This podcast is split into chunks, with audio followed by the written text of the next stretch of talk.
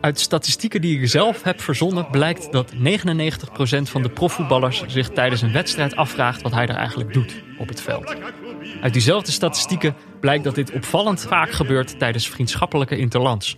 Want natuurlijk, je kan het de Nations League noemen en speciaal een hymne laten componeren, maar waarom speel je die wedstrijd eigenlijk?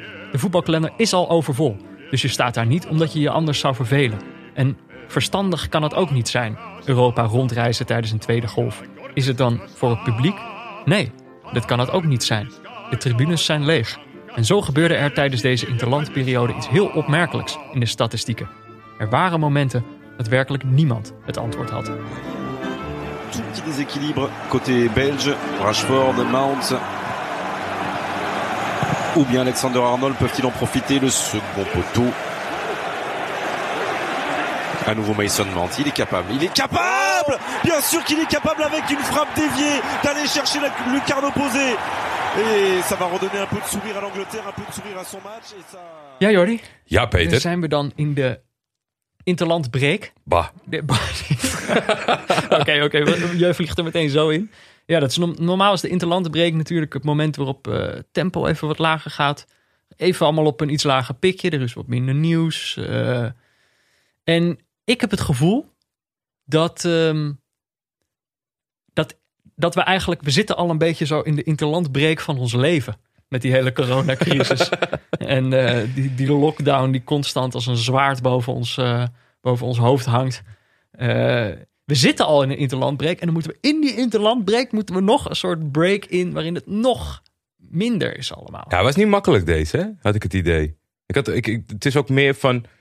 Ik, ik, ik ging me altijd een beetje stilletjes irriteren en vervelen in, in de interlandbreek. Mhm. Zeker als het eh, eh, betreft eh, vriendschappelijke duels of eh, niet zeggende interlands. Ja. Maar de jongere generatie, die, die heeft het er ook zwaar mee. Bij ons thuis is de interlandbreek niet goed gevallen. Dus ik weet, niet, ik, ik weet niet helemaal of deze... mijn huidige gemoedstoestand komt vanwege de interlandbreek... of vanwege hoe Fik is omgegaan Oh. met de interlandbreek. Wat is hier baldadig? Oh, niet normaal, man. Die is echt al gewoon, denk ik, een week eh, alles aan het afbreken. En aan het rellen. Het vechten op straat met andere kinderen. Hij zegt, eh nee, je, je kent hem een beetje. Ik ben, Ja. ik ben, wij, wij zijn thuis... Een eh, heel wat- vriendelijke jongen, dacht ik. Ja, wij zijn thuis wel een beetje geschrokken van deze week. Maar Hmm. toen dacht ik gisteravond, interlandbreek. Ja. Dus ik wacht deze periode even af. Ja. Herstel, een, herstelt hij zich? Ja. Nou, dan mogen het duidelijk zijn. het is een fase.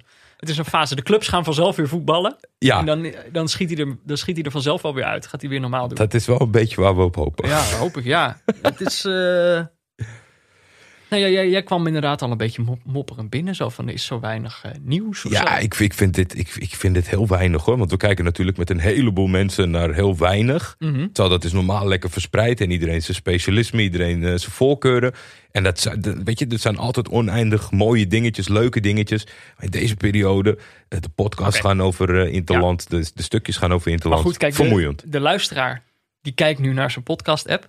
Die ziet dat deze aflevering, nou dat weten we nu nog niet, maar waarschijnlijk nog wel ruim een uur duurt. Die denkt, nou, ze zijn lekker begonnen.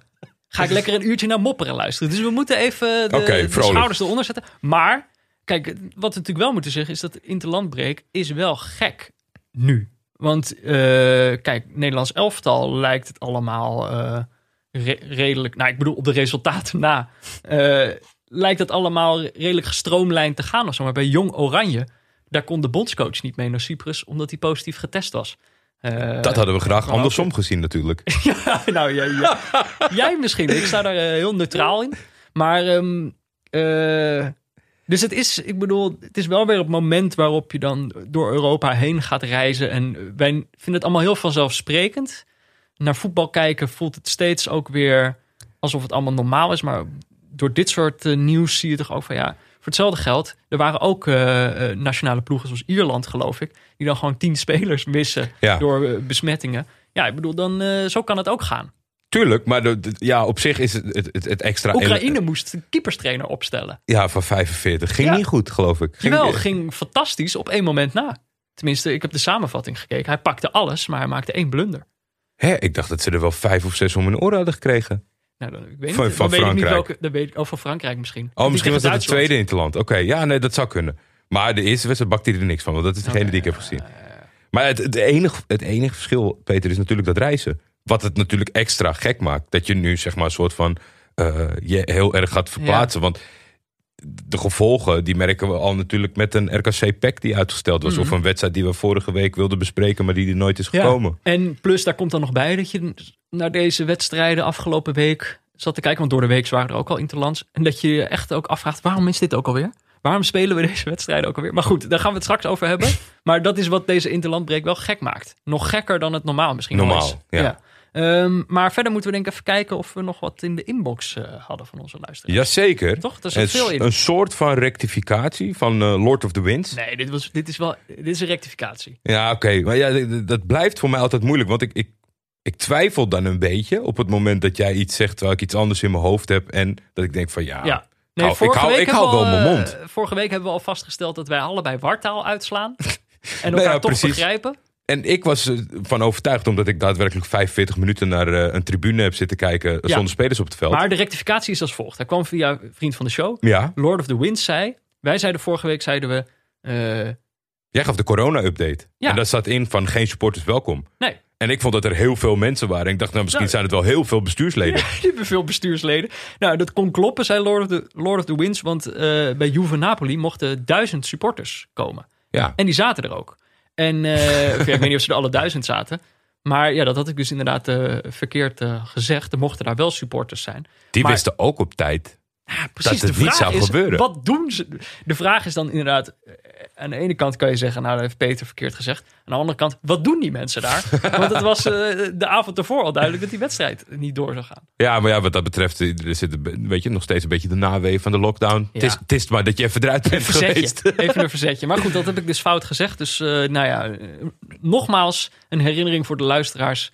Je, kan, je moet niet alles voor waar aannemen wat ik zeg. Nee. Dat is niet verstandig. Je moet niet op, met heel veel eh aplomb mijn woorden gaan herhalen tegen vrienden. Want het Ja, kan net zo goed onzin. Zoals heel veel BN'ers tegenwoordig zeggen, doe je eigen onderzoek. Precies. Stel vragen. Eh, dan kom je dingen tegen, joh. Als je even gaat googlen. Nou, dan zie je dat het helemaal niet klopt wat ik allemaal zeg. In de mailbox kwam ook Teun Geurt. Ja. Peter zegt wekelijks dat de hoofdsponsor op de borst auto.nl Ja. is. In tegenstelling tot het logo van de club en de producent van het shirt staat de sponsor meestal op de buik. Ja. Al moet ik wel toegeven dat hoofdsponsor op de buik minder klinkt dan hoofdsponsor op de borst. Ja. Ja, dit is inderdaad... gaan eh, het staat gewoon... Nou ja, ik zeg inderdaad steeds de hoofdsponsor op de borst. Maar ja, dat eh, klopt dus eh, niet. Het is technisch gezien de buik. Ik weet het niet. Ik ben het wel eens met Teun dat het eh, dat op de borst wel veel beter klinkt. Houden we het gewoon zo? Mm, Het is, niet, niet. het is niet een echt shirt, ik weet hè? niet. Misschien... Kijk, ik weet ook niet of iedereen dit hoort. Misschien denken mensen... Oh, het muziekje begint. Afgelopen. ik zet hem uit. Dus ik ga niet verklappen of dit... Oh, zo. wat ik ga zeggen. Dan moet je helemaal luisteren tot de aftiteling. Dan kan je het horen. Ehm, verder hadden we nog wat eh, aanvullingen op eerdere afleveringen. Ja. Eh, we hadden een mail van Arjan Haan. Waarin onder andere... Kijk, we hebben het eerder gehad over Arjen Robben. Ja, Het kinderboek, eh, het jongensboek Arjen Robben. trilogie. Werd het genoemd door commentator Frank Snoeks. Nou ja, Arjen Robben raakte die wedstrijd natuurlijk meteen geblesseerd. Toen gingen wij zoeken. Jongensboek bestaat daadwerkelijk. Er Mhm. is een jongensboek geschreven over Arjen Robben. Dus als we willen weten hoe het is afgelopen, dan moeten we dat, eh, Boek lezen. moeten we dat boek gaan lezen. Ik heb hem nog niet. Maar ik, ga dat, ik, ik beloof wel dat ik dat echt nog wel ga doen. En dan geef ik een boekverslag van eh, de trilogie van Arjen Robben. Prettig. Ehm, maar Arjen Haan had een update daarover. Namelijk dat eh, Arjen, Rob, Arjen Robben deze week ehm, een basisschool heeft geopend in Bedum. En er zat ook een, een filmpje bij. Ja. En Arjen zei het ziet er heel ongemakkelijk uit. We hebben allebei het filmpje gekeken. Jij zei het is niet heel ongemakkelijk. Ik vond van niet. Jij dacht die kinderen zijn gewoon heel enthousiast. Ja, ik vind, toch, ik Een vind alleen... trotse, trotse schooldirecteur dat Arjen Robben de school komt openen. Ja, en die stomme oudere rotkinderen. Dan moesten die kinderen vertellen van wie denk je dat er komt? Zei ja, Arjen Robben, dat hebben ze ons al verteld. Dat waren de, de broers en zussen die hadden het al verklapt. Echt Ja. heel kinderachtig. Ja. En eh, nou ja, schoot de bal binnen. En toen, Ja, was, dat- het, eh, toen was het basisschool Dat open. was denk ik eh, het ongema- meest ongemakkelijke moment. Normaal knip je natuurlijk een lintje door. Maar Arjen Robben is een voetballer. Ja, Dus ze hadden een soort kreppapier voor de deur hangen. en dan moest Arjen Robben dan een bal doorheen knallen. je zag van de afstand waarin je hem neerlegde dat hij toch nog wel geblesseerd is. Ja. Hij wilde niet gokken dat hij hem zou missen eventueel. Het was van redelijk dichtbij. Maar ja, prachtig toch? Ik denk Ja. dat hij een steentje heeft bijgedragen bij het openen van deze nieuwe... Het was zijn oude basisschool ook. Ja, en die is nu helemaal gerenoveerd. Ja, geweldig. Veel kinderen in Bedum vond ik. Want mensen doen altijd alsof in... in. Ja, in Nederland dat eh, alle gebieden buiten de Randstad een soort van geen mensen meer hebben. Ik zag een heleboel kinderen daar. Nee, waren allemaal successupporters. Zaten daar niet op school. Kwamen alleen voor Arjen Robben. Ehm, maar Arjan Haan had ook nog een persoonlijke zorg die hij deelde in zijn mailtje. Dus namelijk, ehm, ik heb natuurlijk twee weken geleden, geloof ik, twee afleveringen geleden, eh, aangekondigd dat ik ehm, eh, de eerste persoon zou worden in de voetbalwereld die meningen zou hebben. Die zijn er natuurlijk heel weinig. Dus ik zei, nou, dan word ik opiniemaker. Ik doe het wel. Dan ben ik wel degene die meningen heeft over voetbal. En eh, Arjan Haan had daar wat problemen mee, omdat hij zei, ja, hij is naar ons gaan luisteren in het seizoen eh, over de Afrika Cup. En toen zei hij, dat heb ik jullie leren kennen als twee eh, neutrale beschouwers. En dan mocht ik zelf een, een mening vormen over wat ik allemaal hoorde en zag. En nou ja, op het moment dat ik opiniemaker word, ben ik natuurlijk dat gras voor Arjan Haan zijn voeten aan het wegmaaien. Ja. En eh, nou, ik moet ook eh, bekennen, jullie hebben het misschien vorige aflevering al gehoord, weinig meningen. ik ben ook stop, ik wil stoppen. Het is mij niet goed Nu al? Ik wil geen mening. Ja, ik wil geen mening. Ik hang mijn meningen aan de wilgen. Oh, Ik stop als opiniemaker. Eh, voetbal zal het voorlopig even zonder meningen moeten doen, denk ik. hoe, hoe Ik- kijk je erop terug? Nou, bewogen tijd. Je krijgt een hoop over je heen. Maar dan zie je dus ook dat je wel wat losmaakt. Hè? Ja. Dat is wel wat er gebeurt. Maar ja, daar moet je ook tegen kunnen. Precies. En, eh, ik, was al benieuwd hoe je daarmee om zou gaan. Ja, maar ik voelde ook wel dat het, eh, dat het wrong. En ik denk, iemand anders moet die handschoen maar oppakken. En dan zul je zien hoe zwaar het is om meningen te hebben over voetbal. Doe het maar eens. Doe het maar eens, Doe inderdaad. Ehm, nou, dat was dus inderdaad een eh, mailbox vol. Nog een, nog een kleintje had ik volgens Oh. mij niet helemaal... of die is gesneuveld. Het begon eerder deze week met een, een, een tweetje van Jordi Beijer. Mhm. Meer dan anderhalf uur praten over een nooit gespeelde wedstrijd. En dan op 72 minuten en 46 seconden tijd proberen te winnen door een naam te verkorten naar Teun Meiners. Ja, Prachtig. jij, hebt in plaats, jij zei niet Teun Koopmeiners, maar je hebt Teunmeiners gezegd. Nou ja, ik vind het klinkt, weet je, ik, ik weet het niet, maar het klinkt wel alsof iets dat ik zou kunnen doen. En het zat ook in de mailbox, eh, dus eh, ik, ik, ik geloof het wel. Het was ook nog eens aansluitend op het verhaal van de verspreking van Mourinho. Over eh, Gary Oh. natuurlijk. En dan kwam ik achteraan beuken met teunmijnders. Maar, Ja, maar dat is toch, eh, ik vind, we moeten hem gewoon vanaf nu zo noemen. Want hij heeft toch ook een broertje? Dan is het toch handig als je, als je ze uit elkaar wil houden. ja, Dan kan je, de een is Teunmeiners. eh, want er zat ook nog iets verwerkt in de mailbox over jou. Oh. Over namen en uitspraken daarvan, namen en uitspraak daarvan gesproken. Mhm. Jordi zei dat als je de uitspraak niet verbetert wanneer je elkaar voor het eerst leert kennen, da- die uitspraak van de naam dan waarschijnlijk correct is. Daar ben ik het mee eens. Daarom wil ik jullie, prille vrienden van de show, die we zijn, corrigeren. Bij het opzommen van de nieuwe vrienden van de show van vorige week, Oh. seizoen 5, episode 3, sprak Peter mijn naam namelijk verkeerd uit. Oh jee. Peter legde de klemtoon namelijk op de tweede lettergreep, maar deze op de e- waar deze op de eerste zou moeten liggen. Maar eh Hij heet Itwe, It, Itwer. Itwer. Itwer. Maar ik zei Itwer. Denk het. Oké. Sorry, Itwer. Nou, dan is dat een rectificatie over de vrienden van de show. En het is gelijk een mooi bruggetje, Hey, Jordi. Want dat kan natuurlijk eh, sinds dit seizoen kunnen mensen eh, de podcast steunen door vriend te worden van eh, de show. Via vriendvandeshow.nl slash neutrale kijkers. We hebben inmiddels 114 eh, vrienden van de show. En ik zal de nieuwe vrienden van de show even bij naam noemen. Hè, dat, zodat iedereen weet wie, wie, de wie nieuwe, dat zijn? wie de nieuwe vrienden zijn. Melvin, Arnoud, Watergraafs Minder. Dat is een eh, wordplay, Oeh. woordgrapje. Het is natuurlijk eigenlijk de Watergraafs Meer. Ik vind het eh, gewaagd. De wijk waarin onder andere Sebon ligt. De beste notenbar van Amsterdam. de Linnaeus boekhandel. De Linnaeus Boekhandel zit daar allemaal in de Ik heb Watergraafs Meer. best vaak aangegeven dat ik woordgrapjes stom vind. Dus Ja, ik vind het gewaagd. het is heel Watergras gewaagd. minder. Jan Derk, Sander Grasman, eh Jordi. Dat ben ik niet hoor. Nee, dat ben je niet. Maar dit is wel hoe mensen vaak, denk ik, jouw naam verkeerd Heel schrijven. vaak. Ja, absoluut. Dat ze dan de Y op het einde doen in plaats van op het begin. Gunnar Saus. Gunnar Saus Interessant. is denk ik een verwijzing naar de Gunnar Saurus, de vorige aflevering. Erik B. Zou zomaar eens eh, mijn vader kunnen zijn. Ik heb het niet eh, ge- gecheckt of gevraagd. Maar eh, mijn vader heet Erik. Zijn achternaam begint met een B. B. Dus mijn vader zou nu ook zomaar eens mijn vriend kunnen zijn. Een vriend van de show.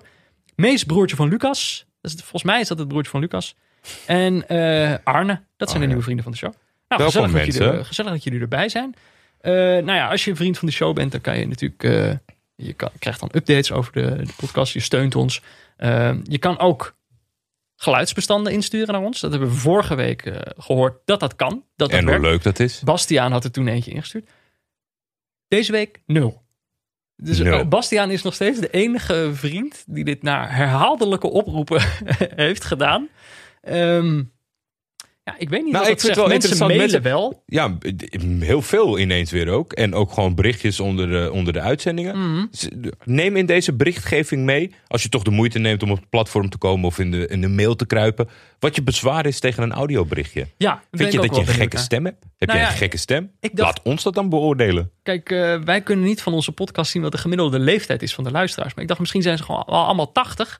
en zijn ze gewoon gewend om te, om te mailen. Vinden ze dat gewoon de prettigste vorm van communicatie. Ehm, en dan wil ik als laatste, om te kijken of we misschien mensen toch een beetje kunnen overhalen om een, ehm, eh, een audiobestand in te sturen of een spraakbericht in te sturen. En wilde ik een oproep doen. Ik weet nog niet precies wanneer we dit gaan maken, maar we willen een aflevering gaan maken over eh, voetbalshirtjes. En daarbij willen we graag dat onze vrienden van de show daaraan meedoen. Dus we willen jullie de kans geven om bij te dragen aan eh, het maken van die aflevering. En wat je kan doen is, nou, als je een voetbalshirtje hebt, of een, een, een lievelingsvoetbalshirtje hebt, als je er meerdere hebt, eh, en je hebt daar een goed verhaal over, of je dat verhaal dan in één, in één minuut Oeh. Eén minuut max. Ja, is voor heel veel mensen lastig, maar je moet ze ook een beetje uitdagen om een beetje to the point te komen. In één minuut max dat verhaal te vertellen en, eh, en, en in te sturen via vriend van de show. Eh, en ik kan dus nog niet beloven wanneer die aflevering precies gaat komen, maar eh, reken er maar wel op dat als je een berichtje instuurt, dat dat dan in de aflevering komt. Ik voeg eraan toe dat als je een prachtig verhaal hebt over een shirt en je denkt van nou, ik weet het niet zo'n spraakbericht, maar ik mail hem wel, gooi ik hem zo de prullenbak in. Ja, prullenbak. Zo- ongelezen gaat hij de prullenbak in. Ongelezen de prullenbak. Eh, spraakbericht of niet? Wil ik nog één, eh, eh, in dit blokje nog één iemand eh, ophemelen. En dat is mijn beste vriend, Ricardo Walensky. Voor de Wat derde week running. ja, dit, is, dit gaat nooit meer stuk. Dit is een vriendschap, daar, daar komt bijna niks meer Voor het tussen, leven. Voor het leven, inderdaad. Nou, mocht je ook vriend van de show willen worden en de podcast steunen... of wil je iets insturen over je favoriete voetbalshirt... eh, doe dat dan via vriendvandeshow.nl slash neutrale kijkers. Nou, dan kunnen we het over voetbal hebben, eh, Jordi. Laten we dat doen, Peter. Laten we dat doen. Eh, want we hadden weer een wedstrijd gekeken in deze interlandbreek. Eh terwijl heel Nederland keek naar Bosnië-Herzegovina tegen Nederland... keken wij, zoals het neutrale kijkers betaamt, niet naar Nederland... Heel slim uitgekozen deze wedstrijd van jou qua uitzendtijd. Super, super. Wij keken naar een, naar een leeg Wembley. De groep 2, dus de andere groep van League A van de Nations League. Hoe dat allemaal zit, joh, ik, eh, ik weet het ook niet meer. Eh, naar de wedstrijd tussen België en Engeland. Dat is de nummer 1 van de FIFA-ranglijst tegen de nummer 4 in de wereldranglijst. Ehm, in de vorige Nations League werd Engeland eh, derde. Ik weet niet of mensen dat nog weten. Toen werden ze in de halve finale van het eindtoernooi uitgeschakeld door, even kijken, wat was er weer? Oh ja, door Nederland. Ehm, en wat ook wel leuk is, we hebben het eh, al twee keer eerder over deze wedstrijd gehad in de podcast Neutrale Kijkers. Twee keer eerder hebben we deze wedstrijd al gekeken. Oh ja, bij het WK natuurlijk. Ja, in het WK is deze wedstrijd namelijk eh, in het eerste seizoen van Neutrale Kijkers. is deze wedstrijd twee keer gespeeld. Ja, In de dat- groepsfase en in de troostfinale. Was het de laatste wedstrijd in de groepsfase? Dat we ook een beetje hard over Ja, ja, hadden of ze dat nog wel eh, zin in hadden. Ja, Ja, En volgens mij was dat ook een wedstrijd die we live, Live keken in de met- Bali. in de Bali keken met luisteraars. Die we voor het WK hadden uitgekozen van nou, België tegen Engeland, dat wordt een leuke Clash. topper. En die gingen toen gewoon, eh, nou, we dachten dat het een salonremise zou worden, maar Engeland, of eh, België won die wedstrijd met 1-0. Mhm. En de troostfinale won België ook met 2-0. Ehm, nou ja, goed, nu dus weer de derde keer deze wedstrijd in een aflevering van Neutrale Kijkers. Maar voordat we het daarover gaan hebben, Jordi, wil ik van jou weten. eh, je kijkt naar dit affiche. België tegen Engeland. Je hebt over jezelf, eh, zei je tegen mij, ik, ik, ik doe België maar niet. Ik heb er al zoveel op ingehakt eh, in, deze, in deze podcast. Geef mij Engeland maar. Ja, dan ben ik wel benieuwd. het is een beetje een haat-liefde verhouding. Dus ik zat, dacht nu na vorige week met Mertens en alles. Ik denk, dacht, nou, dan geef ik hem aan jou. Mhm. Hoef ik niet weer wat lelijks Maar- te zeggen over de buren. Eén reden om van Engeland te houden. En één reden om ze te haten. Het feit dat Engeland altijd weet te falen, Mhm. vind ik een reden om van ze te houden. Dit, is, dit hebben we meerdere keren. Dit is een terugkerend eh, thema. Ja? Ja, Paris Saint-Germain had ik volgens mij ook het argument. Ja, zo. zo. Dus falen is Maar- op een of andere manier leuk. Ja, omdat je denk ik, weet je, zeg maar niet van geboorte meekrijgt, zeg maar zoals voetbal. Dus dan, dat zou heel gek zijn dat als je in Engeland wordt geboren en dat dat de reden is om van ze te houden, Precies, dat ze altijd ja. falen. Want ik denk dat het voor een heleboel mensen in Engeland misschien Ja. wel een reden is om ze te haten. Maar als neutrale kijker? Dat denk ik wel, ja. Want het is natuurlijk eh, eh, ten alle tijde, voetbal is coming home.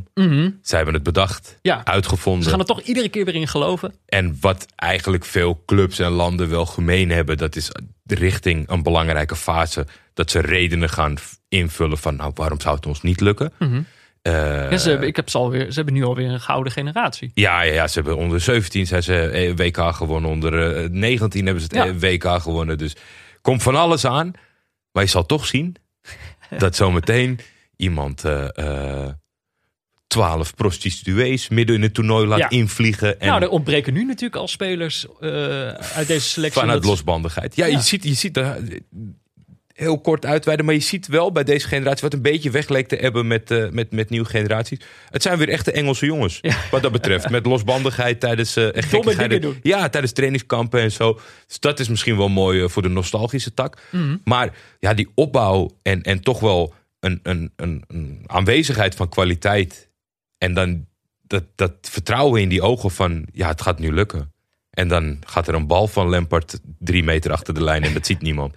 Ja, weet je, dat, ja, ik, ik, ik vind dat prachtig. Dit omdat, klinkt fantastisch. Is er dan wel een reden om ze te haten? Ja. Oh. De navolging. Dat vind ik zowel op club als op landenniveau. Ik vind de supporters van de landen, als je eromheen kijkt, zijn de exacte voorbeelden van de leuke mensen. De Ieren, de Noord-Ieren, Welshmen. En Engelsen kunnen zich nooit eh, eh, beheersen, Ah, ja. gedragen in, in, in, in, in, in grote wedstrijden. En dat heeft ook het Engelse nationale team over zich. En dat is misschien dan wel... eh, nou, ik zou bijna zeggen fijn aan deze tijd dat ze er niet zijn. Maar in thuiswedstrijd valt dat wel mee. Maar ik vind dat een hele vervelende factor van het Engelse voetbal. Ja. De supporters en...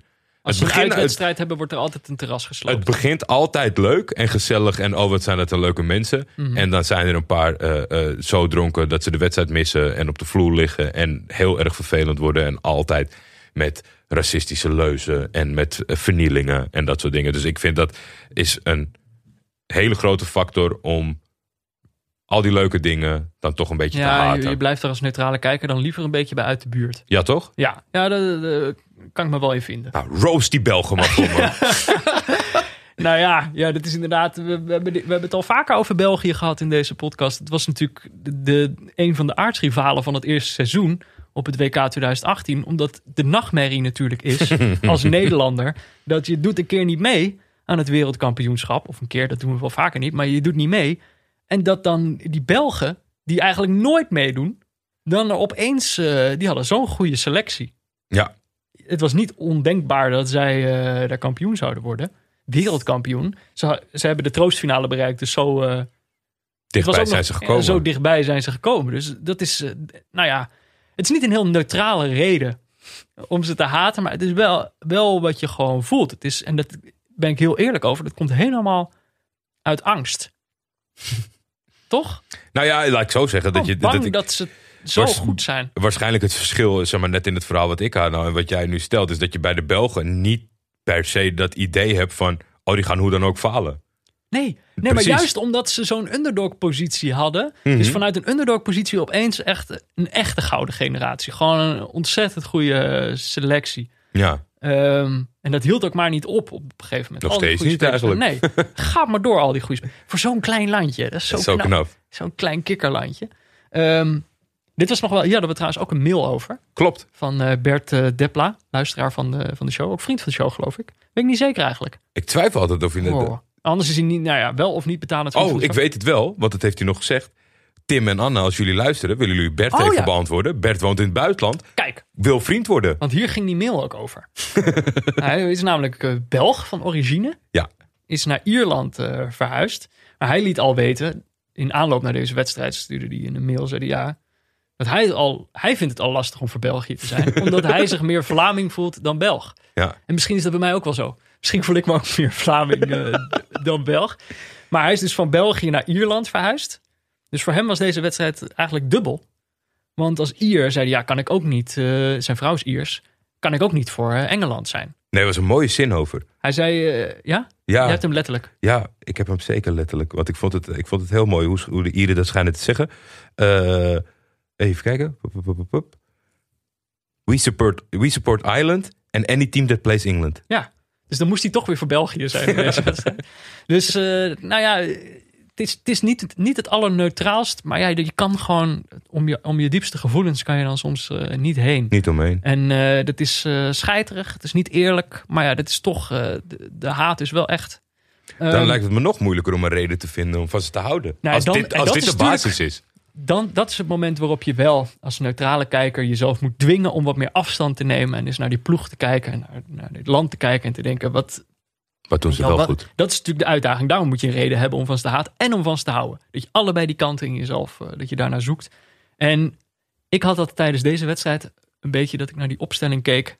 En dat ik dacht, jij zegt net die gouden generatie is nog niet opgehouden. Maar dat is natuurlijk wel een, een beetje zo. Namelijk dat, en dit is zeker zo bij een nationale selectie. Dat het heel snel kan gaan. We hebben dit bij Nederland natuurlijk ook gehad. Je hebt dan eh, een paar grote spelers. Maar hoeveel hoeveel internationale toernooien zijn die op hun top? Zeg maar. Dus hoe, hoeveel profijt kan je daarvan hebben? Dat is gewoon niet zo heel erg veel. En dat bij deze Belgische selectie eigenlijk ook veel van die grote spelers een beetje naar het einde beginnen te geraken. Lukaku is ook niet jong meer. Nee. E- Gaat Eden Hazard ooit nog een interland spelen, weet je wel? Wordt die nog fit? Gaat Ja. die nog ooit zo goed worden?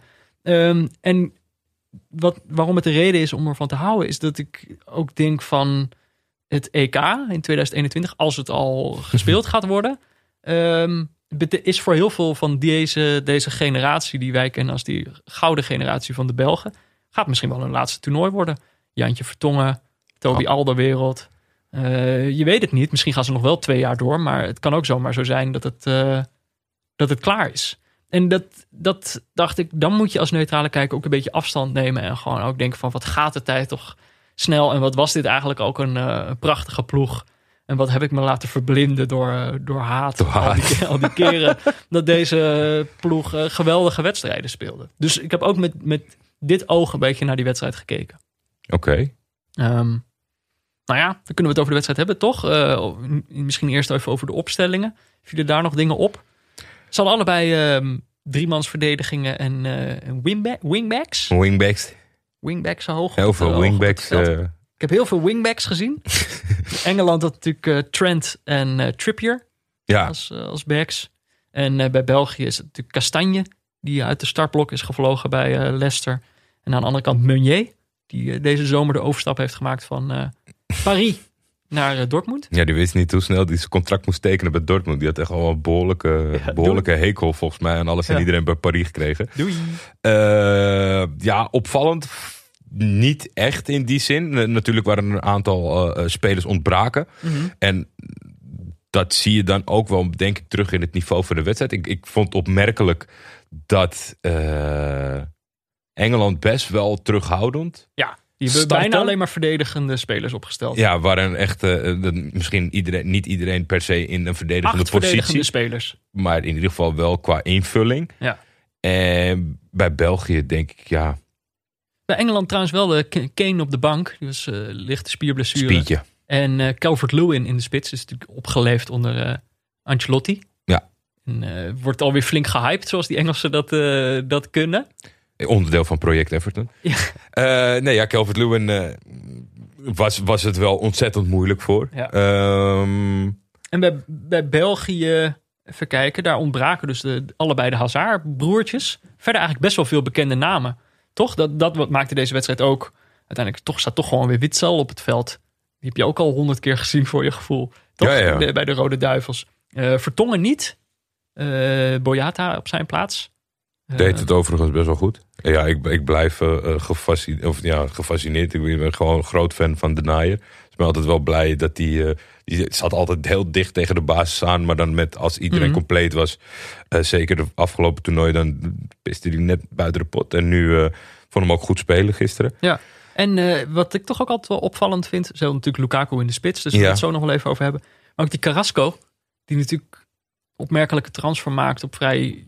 Meestal ga je naar China als je wat ouder bent. Ja, hij ging al vrij vroeg van Atletico naar, eh, naar China. ik geloof wel. Die is nu weer terug bij Atletico. Maar die is ook, ik weet niet, is hij in de Belgische ploeg de tijd gebleven? Maar dat die ook weer een beetje zo... Vaak gewoon als je naar China gaat, is het klaar. ja, Kom- dat je, je komt dan, niet meer terug. Je kan hooguit nog naar PSV. Maar eh, hij is wel een beetje zo gerehabiliteerd in de top of zo. Is heel even weg geweest, toen mocht hij weer terugkomen. Van nou gaan we weer echt voetballen. Ja, dus jongen. misschien heeft hij wel aan iedereen laten zien. Als je naar China wil, doe het dan vroeg in je carrière. Want dan is je carrière niet voorbij. Ja, dat kan, en ja, misschien is dat een goeie. Er zit wel een, een, een, een randje aan zijn avontuur. Hè? Want volgens mij is dat niet geheel vrijwillig. Kijk, het is Nee, natuurlijk was een beetje gek stond tegen te- een heleboel miljoentjes tegenover. Mhm. Maar dat Wanda, wat investeerde in Atletico, dat, dat Ah. eiste ook wel dat ze niet twee reservekeepers en een, eh, en een linksback uit de tweede kregen. Ja, maar verder eigenlijk weinig opvallende namen, moet ik zeggen. Ja, ik vond het jammer dat er eh, wat, wat. Ik had de misschien. machine zat op de bank bij eh, Engeland. Ja, daar baalde ik sowieso van. Maar ook misschien wel wat talentvolle jongens. Maar ja, het blijft dan toch dat mensen het marketeren als Nations League. Dus belangrijk, dus Mhm. serieuze opstellingen. Eh Doku zat op de bank. Ja, mag ik, mag ik een paar mensen van de bank, eh, Ja, nee, ga, ga, ga van de. Belgische bank? Want ik dacht, ik ga toch even noteren wie dan nog wel leuk zijn om, om uit te lichten. Namen die mij een beetje on- onbekend zijn en daarom misschien luisteraars ook wel. Er zaten volgens mij drie opvallende namen op de bank.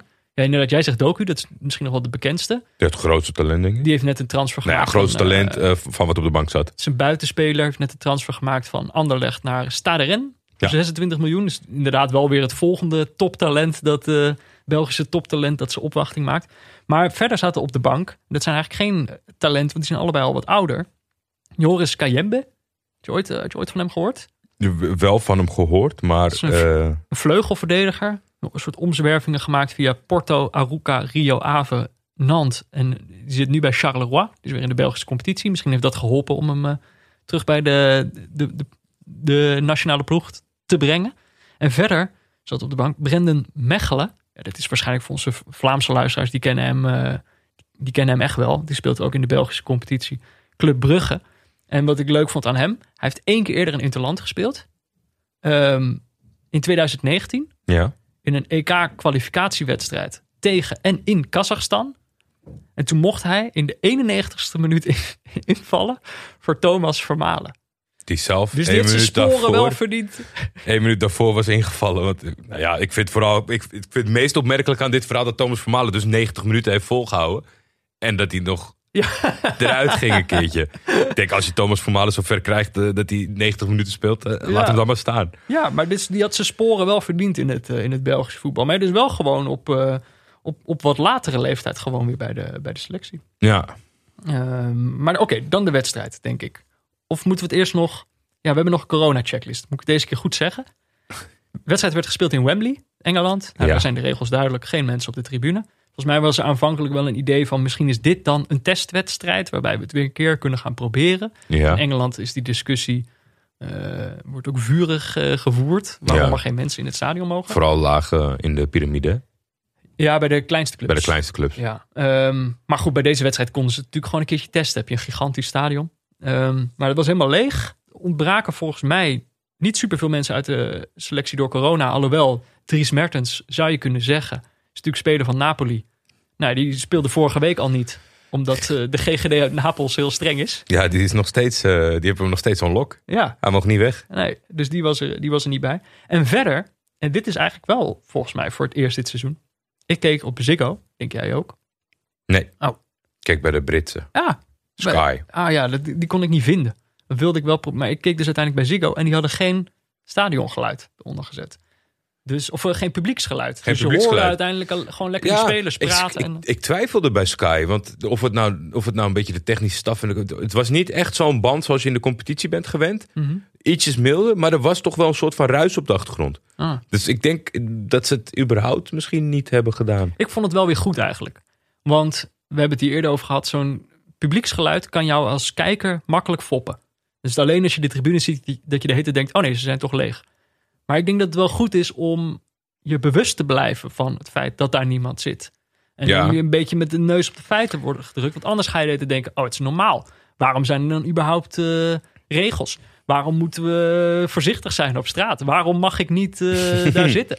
Ehm, en dus ik denk op het moment dat je naar zo'n wedstrijd kijkt en je wordt nog een beetje met je neus op de feiten gedrukt dat het nog steeds raar is, dat dat wel beter is. Denk ik. Het is niet minder leuk. Zeker minder leuk. het is zeker minder leuk. Zeker minder leuk. Maar ik, ik denk dat het misschien ook wel goed is, zeg maar, in de, in de kritiek naar de spelers toe. Dat je af en toe even een wedstrijd krijgt gewoon met, ja. met de realiteit. Dat je denkt van, is. dit is ook echt wel moeilijk voor die gasten. ja, dit is hoe het voor de, voor de spelers zelfs. Ja, de- deze hele Nations League periode, veel keepersblunders. Heel veel. Ik blijf, oh, sorry, het is geen mening meer. Dit is een eh, observatie. Ik denk dat het gewoon komt doordat het moeilijker is om je te concentreren als er geen druk is van, de, van, van het publiek als keeper. Maar goed, Het is wachten tot de VI Pro-artikel dit bevestigt. Ja. Dan, eh, dan, dan Oh, krijg jij alle credits dat, hiervoor. zou, dat is echt mijn droom. ik vond wel, eh, dan begint de wedstrijd echt. Er zijn natuurlijk zijn eh interlands. Dan zijn er volksliederen aan het begin. Nou, in een leeg stadion hoor je dan pas echt hoe halfslachtig eh, spelers meezingen. Ja. Ik vind toch, als je dan toch in een leeg stadion staat, dan gewoon keihard zingen. toch? Dan Eh. gewoon helemaal uit je dak.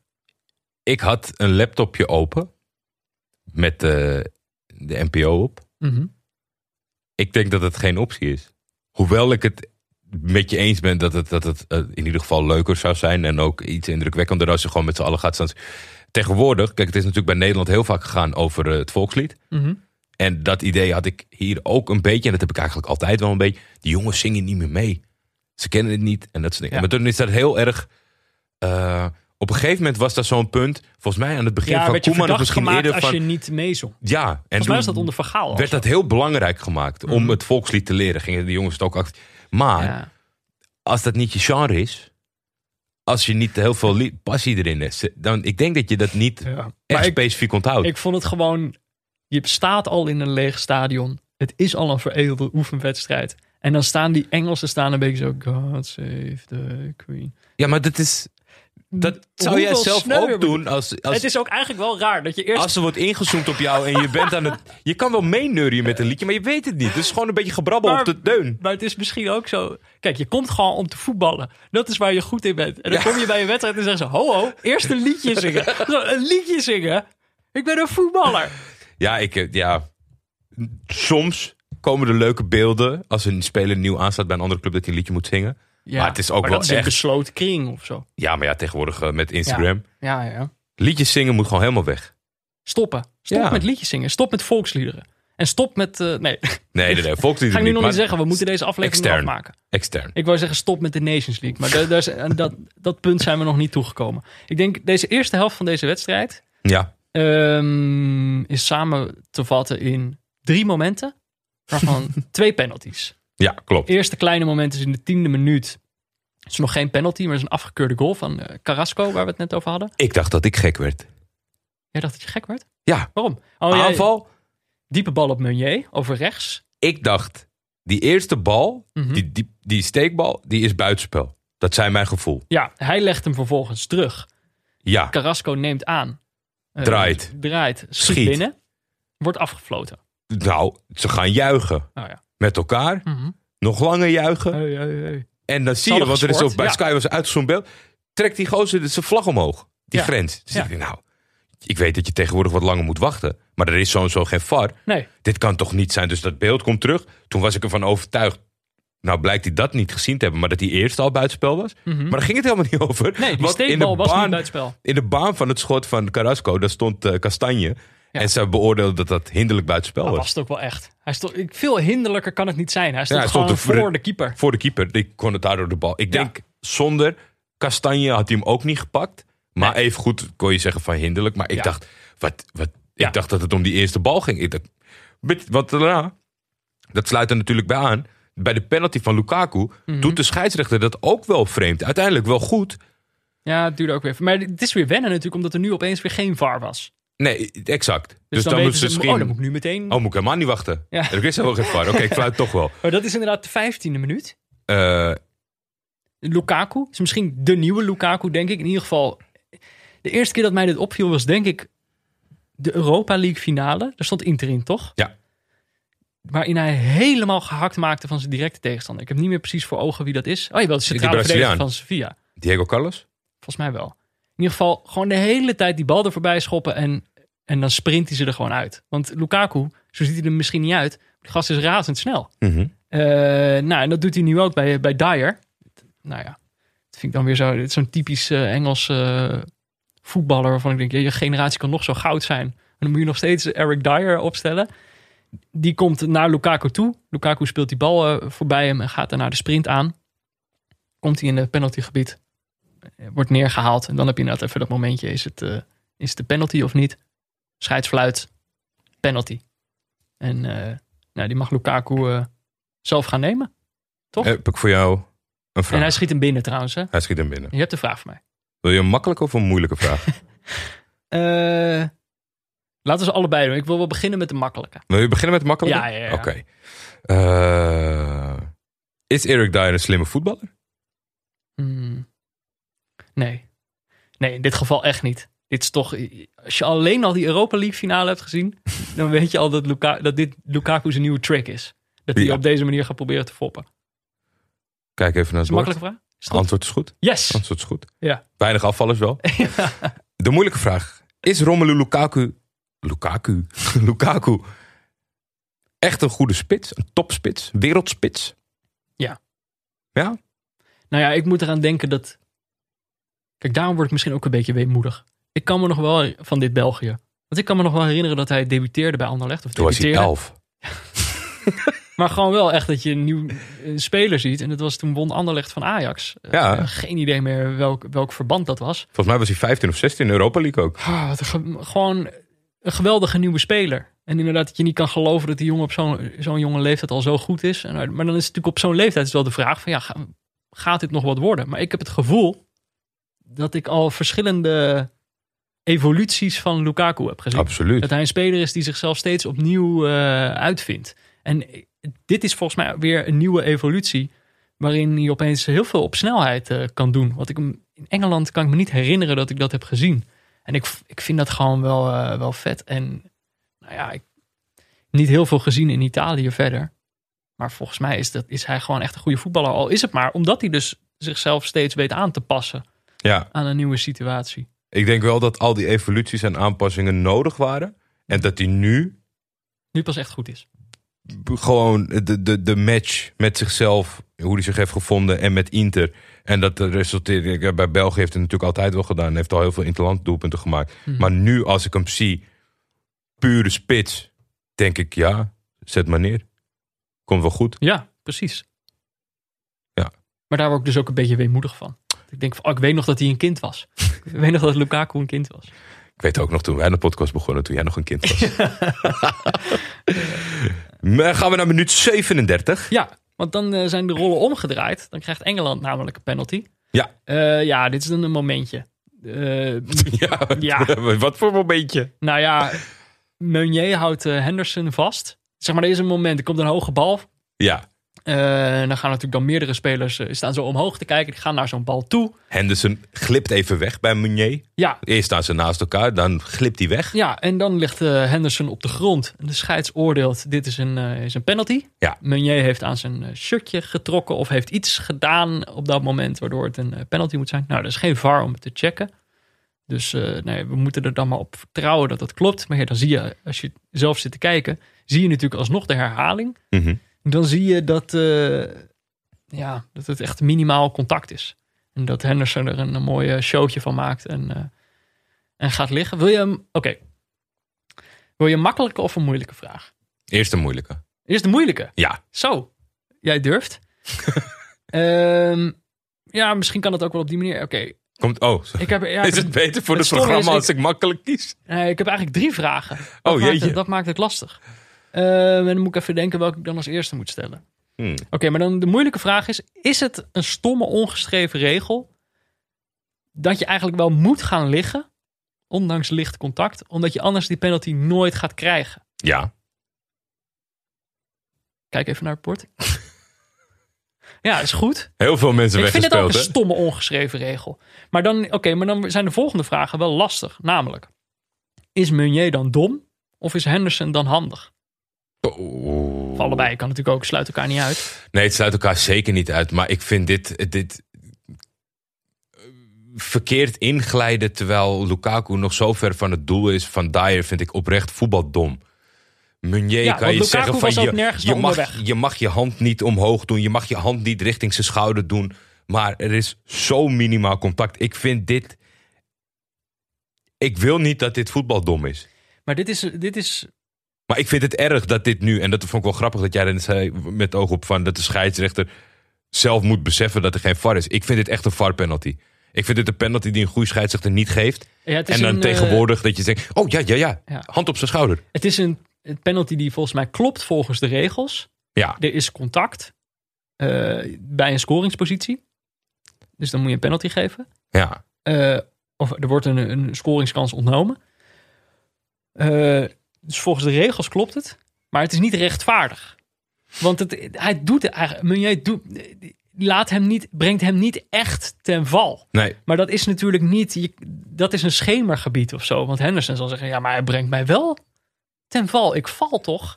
ja. En Henderson kan je het ook weer niet volledig kwalijk nemen. Want als hij blijft staan, dan krijg je hem sowieso nooit. Nee, nee, nee. En dat En vind ik eigenlijk. Dat maakt het dus zo'n zo'n zo'n dom moment dit. Omdat je dwingt spelers om Schwalbes te gaan maken. Zeker weten. Met je regel. En dat is ook vaak, eh, er zijn zat praktijkvoorbeelden van waarbij iemand besloot van nou, ik blijf wel gewoon een keer staan en dan krijg je daar eh, een dag complimenten voor. Maar ik denk een boze achterban als je uiteindelijk verliest en een boze trainer en Ja, boze teamgenoten. Ik denk als Henderson hier was blijven staan. Was niet eens opgevallen, Nee, was, was niet eens het een moment. Nee, herhaald. nee, nee, dat niet. Maar je hebt wel eens gehad dat een, voornamelijk bij een counter, weet je, dat iemand dan van achter wordt gehaakt, dat je zo kan gaan liggen, maar dat je eigenlijk ook kan blijven staan en Ja. verder kan met je aanval. Als je hem dan niet maakt, dan is de pijnlijke realiteit dat iedereen zegt domme lul. Ja, Ga dan liggen. ja, En dat is heel vervelend. ja dit is. Nou ja. Maar dit- ik vond dit ook wel weer een geval. Kijk, die. Maar ik zet een joker in. die eh, Mag ik iemand bellen? nou ja, een ander voorbeeld vind ik wel dat. Kijk, die Engelsen. Die zijn altijd zo. Als er, als er, een, als er een Spanjaard of een Zuid-Amerikaan Oh, in hun competitie. Of een Nederlander, die hebben we natuurlijk ook gehad met Arjen Robben. Als die een keer gaan liggen, nou dan gaat het daar een week lang over in de tabloids. Van, ja. eh, ja, geen fair, fair game. En dit is dan Henderson. Toch voor veel, eh, veel Britten denk ik de, de, de, de pinnacle van wat een eh, Britse voetballer moet zijn. ja. Eh, hard werken. Het vuile werk niet schuwen. Zat, En die gaat dan ook gewoon neer ik zat de eerste, eerste helft natuurlijk bij Sky. En ik vind dan het mooiste als, als, eh, eh, Gaan ze het goed praten? nee, als, als chauvinisme een beetje doorgeprikt wordt. Dat je bijna niet anders kan. Gary Neville was co-commentaar. En ze zitten dan aan het moment te kijken. Mhm. En willen ze eigenlijk natuurlijk niet negatief praten over Engeland. En dan op een gegeven moment... Very soft. Very soft. Ja, je kan ook niet anders. nee, tuurlijk. 1-1. Nou goed, eh, dit was de eerste helft. 1-1. We weten niet wat we krijgen in de tweede het kan helft. nog alle kanten op. Eh, en de tweede helft die komt natuurlijk na de rust. En onze rust is gesponsord door Auto.nl.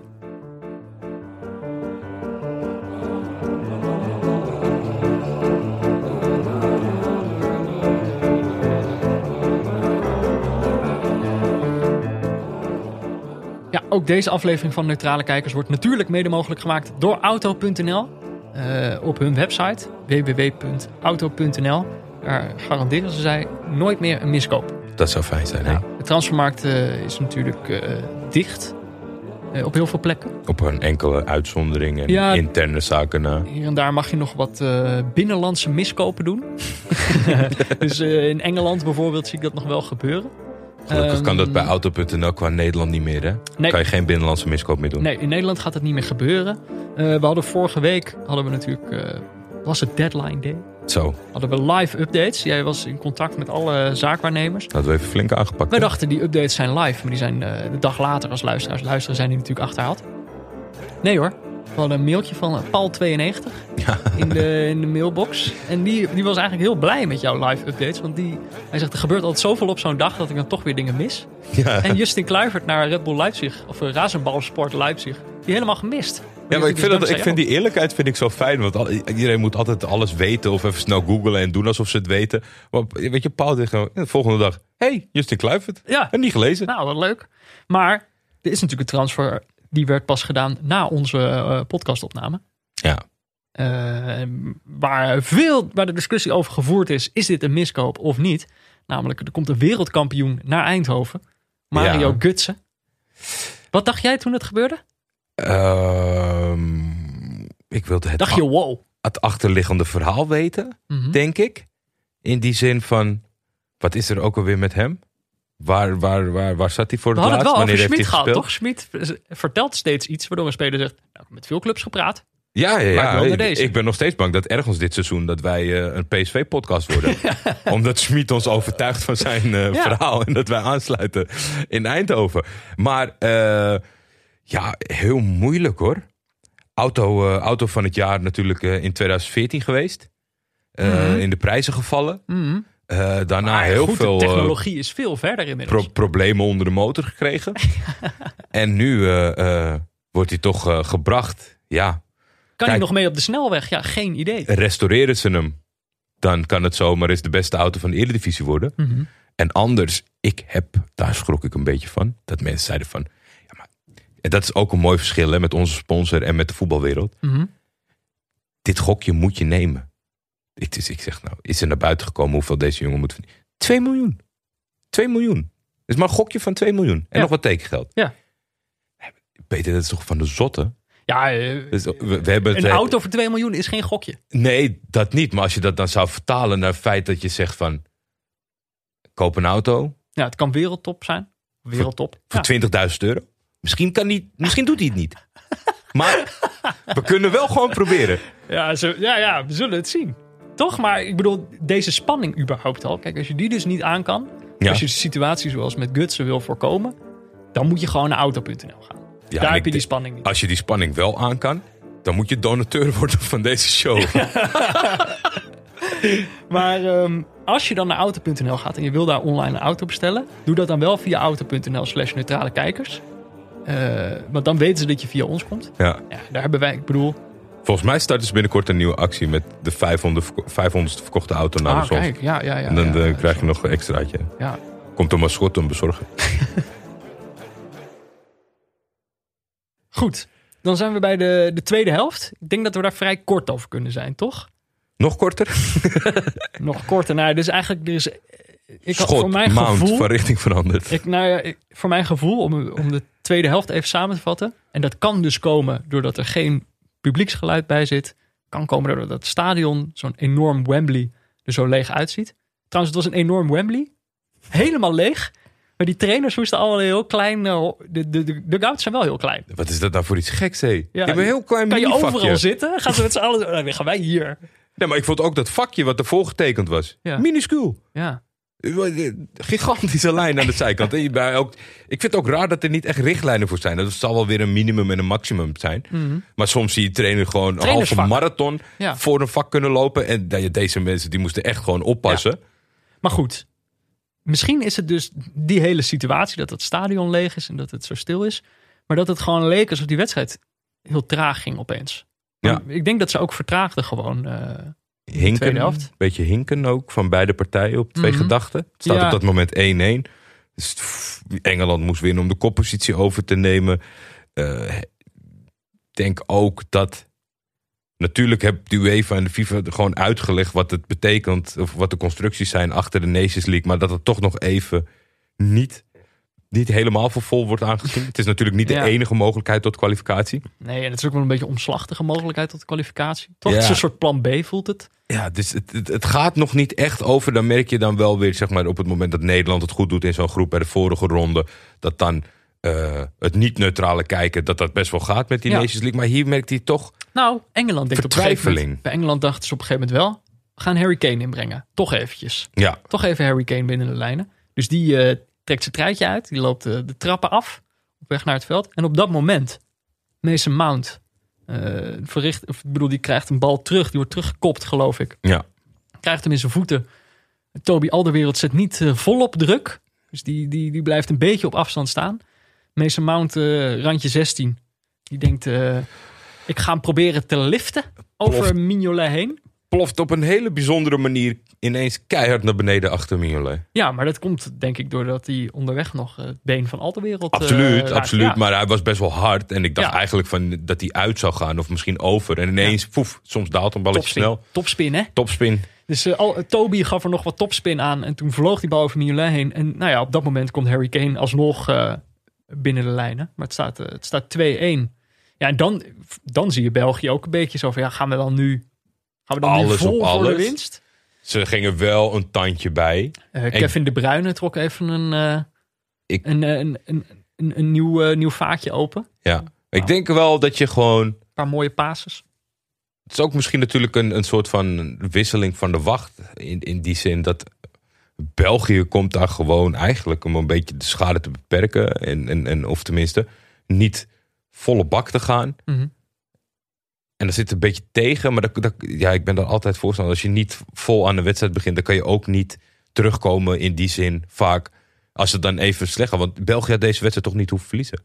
Dat was mijn hele conclusie. Nee, België, uiteindelijk verliezen ze door een, een, een penalty waar, waar ik over kan zeggen, nou was het hem wel. En een verrichting veranderd schot.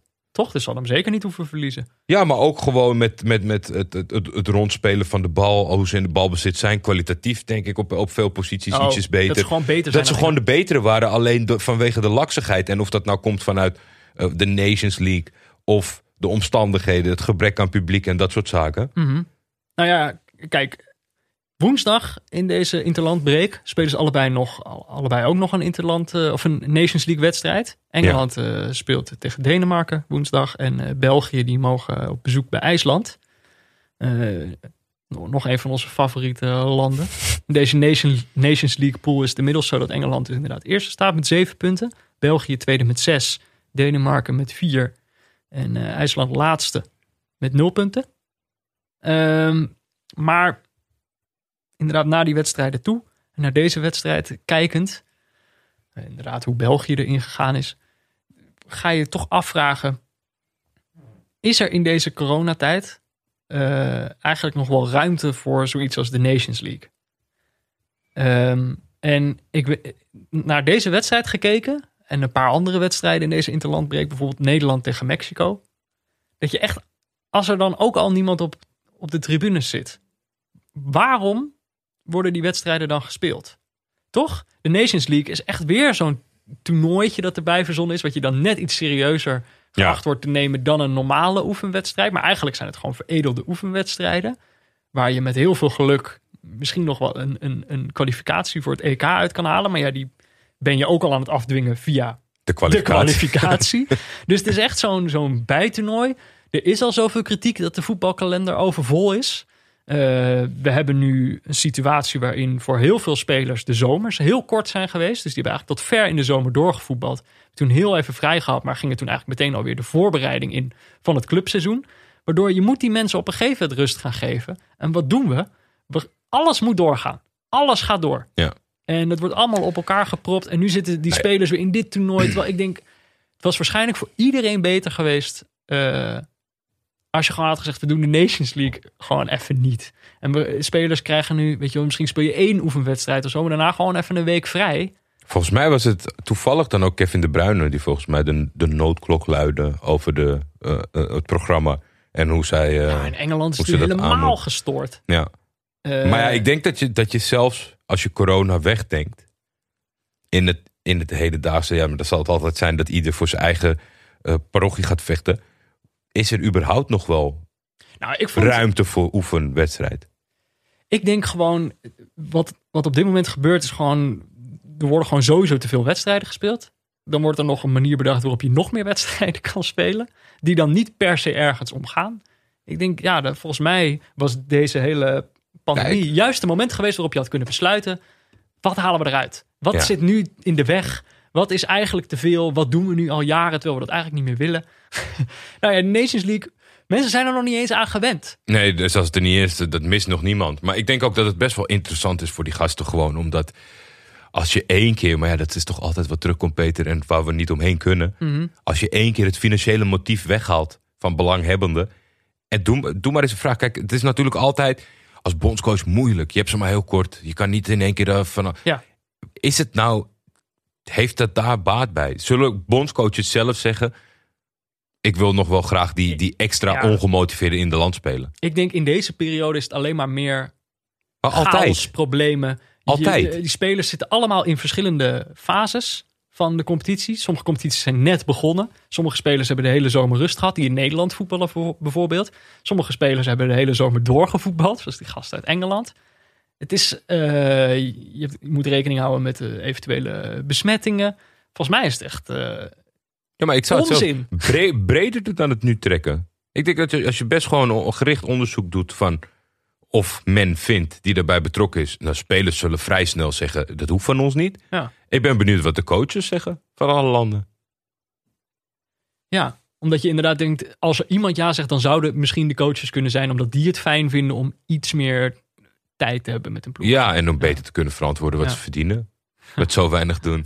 Nee, nee, nee, dat, dat het is een geintje. Maar ik, ik, ik ben heel Ja. erg benieuwd. Stel dat die bondscoaches zeggen, luister, we hebben ze anders acht keer per jaar. En we moeten ze voetballen leren. Mhm. Of in ieder geval een stijl leren voor een eindtoernooi, voor een kwalificatiereek. Ja. Ik heb dat echt nodig. Als ze daar zich hard voor maken, zou ik daar best naar luisteren. Maar ik kan het me haast niet voorstellen. Nee. Dus nee, ik weet het niet. Ik denk dat, eh, dat dit een uitge- uitgelezen kans Weg is geweest. met de Nations zeggen, Ja, kap je gewoon mee. nou goed, dan moeten we natuurlijk nog een man of the hey, match. wie was eh, de man of the match van dit leuke duel, Peter? Nou, kijk. De man of the match was niet be- betrokken bij deze wedstrijd. Oeh, Maar wij hebben deze Nations League wedstrijd zitten kijken. ja, Maar er zijn natuurlijk nog veel meer Nations League wedstrijden. ja. Eh, en dan denk ik, man of the match is wat mij betreft eh, Johan van Polanen. Johan van Polanen, Mhm. oké. Commentator Commentator. van Ziggo onder andere. Die heeft een dag eerder heeft eh, Nations League zitten kijken. Eh, hij moest namelijk verslag doen van de wedstrijd eh, de Faroe-eilanden tegen Letland. Oh. Oh, En dat heeft hij dus 90 minuten gedaan. En de, de reden waarom ik hier opkom is dat, eh, dat Frank Heijn eh, vandaag, voor de, voor de luisteraars gisteren, of nog langer geleden, daar een prachtige column over schreef. Hoe Johan van Polanen dat toch allemaal maar weer aan elkaar moest praten. Terwijl, ja, wie- wie gaat er Faroe tegen Letland kijken? Waar gaat die wedstrijd eigenlijk om? Waar, waar is iedereen? Weet je wel, dat is, wij hebben moeten afzien bij België-Engeland. Johan van Polanen is echt veel dieper gegaan. En die heeft Faroe tegen Letland. Dus ik denk, dat is mijn man of the match. respect, Johan. Respect. Ehm, nou ja, wat we hebben geleerd van deze wedstrijd, dat hebben we eigenlijk al gezegd. Ehm, Nations League kan weg. Er is in de coronatijd gewoon geen plek voor de, voor de Nations League. Maar ik dacht wat we verder ook hebben geleerd. Deze wedstrijd was natuurlijk gelijktijdig met eh eh, Bosnië-Herzegovina tegen Nederland. Ja. Wat ik ook heb geleerd is eh, dat het soms best wel lekker is om niet naar het Nederlands elftal te kijken. Want als, als je een beetje omheen kijkt, die mensen hebben echt afgezien. Dat was verschrikkelijk. Ik denk als neutrale kijker is het dan gewoon wel prettiger dat je gewoon een beetje een rustige avond hebt gehad. Als, ik, als je de commentaren leest van de altijd nette mensen. Laten we zeggen, net, nette mensen, dat niet zozeer. Maar van de gerenommeerde namen. Mhm. Die zich gewoon eigenlijk gewoon niet meer konden beheersen. En alleen maar dingen zeiden als dit was verschrikkelijk. Had jij ook Bloed uit mijn ogen. Ik keek dus naar Ziggo. En daarna werd overgeschakeld naar een eh, praatprogramma. Ik geloof dat het eh, Rondo was met eh, Jack van Gelder. Ja, En daar zaten uh, Juri Mulder zat er aan tafel. Marco van Basten zat er aan tafel. Ruud Gullit en Ronald Waterreus. En het was gewoon één grote... Zij gingen het dus niet per se over België-Engeland hebben. Er werd gewoon geschakeld naar, eh, oh ja, gewoon. naar het eh, praatprogramma over Nederland. Het was gewoon één grote waterval van wat er mis was met, met Nederland. Toen dacht ik, godzijdank heb ik dat niet gezien. Dus dat is een wijze les voor iedereen. ja, Sla lekker die, die wedstrijden die toch nergens op slaan van het Nederlands elftal. Parkeer die ergernis gewoon. Er is genoeg om je aan te ergeren. ik wil zo nog wel even terugkomen erop. Oké, Maar eerst naar Pieter Zwart. ja. We zijn toe aan een, eh, minuutje diepteanalyse. Als hij zich eraan houdt, een keer. Ja, nou, een minuutje inderdaad. Hebben we het vorige week eh, meteen al gefactcheckt. Was te lang. Ja, 1 minuut 20 was hij. zo doet hij dat. Maar Langzaam creëert hij dan zo'n Ja, beetje. pakt je ruimte. steeds meer van onze ruimte. Ja, net als met het trainersvak. Steeds de buiten staan. Dus de scheids niet fluit. Ehm, maar het is dit seizoen op aanvraag. Dus mensen kunnen insturen. We willen het liefste in een spraakbericht. ja, Dat mensen in een spraakbericht sturen. Hallo Pieter. Eh, waarom wordt alles wat Frank de Boer aanraakt eh, eh, geen goud? Weet ik veel. Mensen kunnen dat dan vragen. Nou, dat was bijvoorbeeld een van de, de- de vragen die voorbij kwam. Eh, mensen wilden dat bijvoorbeeld weten van Pieter. Op, op Twitter werd dat gestuurd. ja. Ehm, er werd ook bijvoorbeeld gevraagd: waarom is het zo moeilijk om het spel te versnellen? Zoals gisteren tegen Bosnië. Iedereen heeft wel door dat het sneller moet, maar het lukt niet. Ik eventueel was een eventueel een goede Vind ik een leuke vraag. Pieter antwoord op kunnen geven. Eh, er was nog een vraag. Bondscoaches hebben maar beperkt tijd om tactische patronen in te slijpen. Wat zijn de meest effectieve maatregelen die een bondscoach in een paar trainingen kan nemen? Ik had Pieter ook heus een antwoord op gehad. Die volgens mij ook al een keer gegeven in een podcast van ons. ja staat er ook iets van Eh, bij. Dat nationale ploegen altijd verdedigend spelen. Zoiets was het geloof is ik. makkelijker bij te brengen. Maar in deze hele reeks vragen was er eigenlijk één vraag die meteen naar ons prikkelde. Ja, ja, ja, ik zei ook tegen jou, Peter, dit, dit is hem. En dat was Wat de er ook vraag, verder eh, binnenkomt. vraag van Joram Frenkiel. En die vroeg, zijn vraag was Ryan Babel. Dat was de vraag. Ryan Babel. Dus dat eh, heb ik aan Pieter laten weten. De vraag is Ryan Babel. En eh, nou ja, hij heeft de handschoen opgepakt. Dus eh, Pieter, ik ben benieuwd. Kijk een pressing. Kijk een pressing. Wat doet Ryan Babel nog in Oranje? Dat is een vraag waar twee antwoorden op zijn te geven. Het eerste is simpel: een gebrek aan alternatieven. Sinds begin 2018 hebben 15 verschillende aanvallers minuten gemaakt in Oranje. Op VPRO keken we maandag naar hun rendement. Memphis Depay was in zijn eentje goed voor 48% van de treffers en 55% van de assists. De aanvaller die na Memphis het vaak scoorde was Babel. Met vier goals. Promes heeft er drie, alle anderen maximaal één. Op het vlak van assists zijn Memphis en Promes de enige aanvallers die boven de twee uitkomen. Babel presteert dus matig, maar dat geldt net zo goed voor zijn concurrenten. Dan het tweede deel, wat meer trainerspraat is. Babel is complementair aan Memphis. Als Memphis van de spits naar links uitwijkt, dan neemt Babel zijn positie over. Zoals hij ook begrijpt wanneer hij het breed moet houden of wanneer hij defensieve arbeid moet doen. Voor een trainer is dat fijn. Met zijn ervaring voert Babel in ieder geval zijn taken uit. Dat het genoeg is voor een plaats in de selectie zegt meer over zijn concurrenten dan over Babel zelf. Kijk een pressing. Kijk een pressing. Dat je, zijn stelt die man, antwoorden. je stelt die man een vraag en je krijgt antwoord. Ik was net te laat met het klokken, maar volgens mij zit hij goed deze week. Nou, hij zit binnen een minuut. Nou, dat zou mooi zijn. Ik hoop het. Ik heb op mijn gevoel heb ik het gedaan. Was volgens mij inderdaad. eh. Eh, mocht je ook een eh, vraag willen stellen aan Pieter, die hij dan in de volgende aflevering bijvoorbeeld in één minuut tot in de diepte kan analyseren, eh, dan kan dat via vriendvandeshow.nl slash neutrale kijkers. Yes. En eh, doe dat dan via een audiobericht. Hè? Eh, hoe vaak moet ik dat nou zeggen? dat ik dat leuk zou vinden. Audio is het nieuwe papier, jongens. Oké. Wat is er verder allemaal gebeurd in het voetbal deze week? Ja, weinig doch, dus door dat klote interlands Ja. Nou, Minder dan normaal. ik heb een update voor je. Oh? We hebben het vorige week best wel lang gehad over mascottes. Namelijk de mascotte van Arsenal werd ontslagen. Gunnosaurus. Gunnosaurus. Nou, dat maakte veel los in de, in de voetbalwereld en ook onder onze luisteraars in het bijzonder. Wij deden toen een oproepje. Want we hadden een mailtje gekregen van iemand die, die zei dat er een WhatsApp-groep bestond. Thijs Annema was dit, geloof ik. Ja. Die stuurde een mailtje die zei: er bestaat een WhatsApp-groep waarin alle mascottes van Nederlandse voetbalclubs zitten. Nou, dan gaat mijn hoofd ontploft dan meteen. Ik, ik, ik wil daarbij. Ik ook. Of ik wil, ik wil met die mensen praten. Ik, wil, ik vind het leuk dat al die mascottes met elkaar praten. Nou, eh, ik heb. Je weet wat voor een reporter ik ben, hè? Ja, zeker. Dus ik ga hier niet achter, achteraan. ik wacht gewoon tot dit op me afkomt. ik heb, twee mensen hebben laten weten dat, eh, dat ze wel een balletje wil- die, dat ze iemand kenden. Echt? En dat ze wel een balletje wilden opwerpen. Dus eh, ik heb goede hoop dat we binnenkort een update kunnen geven over hoe de Nederlandse mascottenwereld, hè, waar je weinig van hoort, omdat geen enkel, geen, niemand in het voetbal daar zijn vingers aan durft te, durft te branden. Ehm, dat we een keer horen hoe, hoe er vanuit de Nederlandse voetbalmascottenwereld wordt gedacht over bijvoorbeeld dat nieuws met Gunnosaurus. En hoe zij zelf eh, eigenlijk, in welke situatie zij zelf zitten. Of zij, eh, ja. Dus ik heb goede hoop. Eh, meer zeg ik nog niet. Oké. Meer kan ik eigenlijk nog niet zeggen. Ik, Want ik ben, nog niet, ik ben nog niet binnen. ik heb er wel bevestiging ook over gekregen. Mhm, Dat het zou bestaan. mhm. Ik heb ook alweer één updateje daar rondom ontvangen. Mhm. Wat me dan weer niet verbaast, maar waar ik dan toch van baal.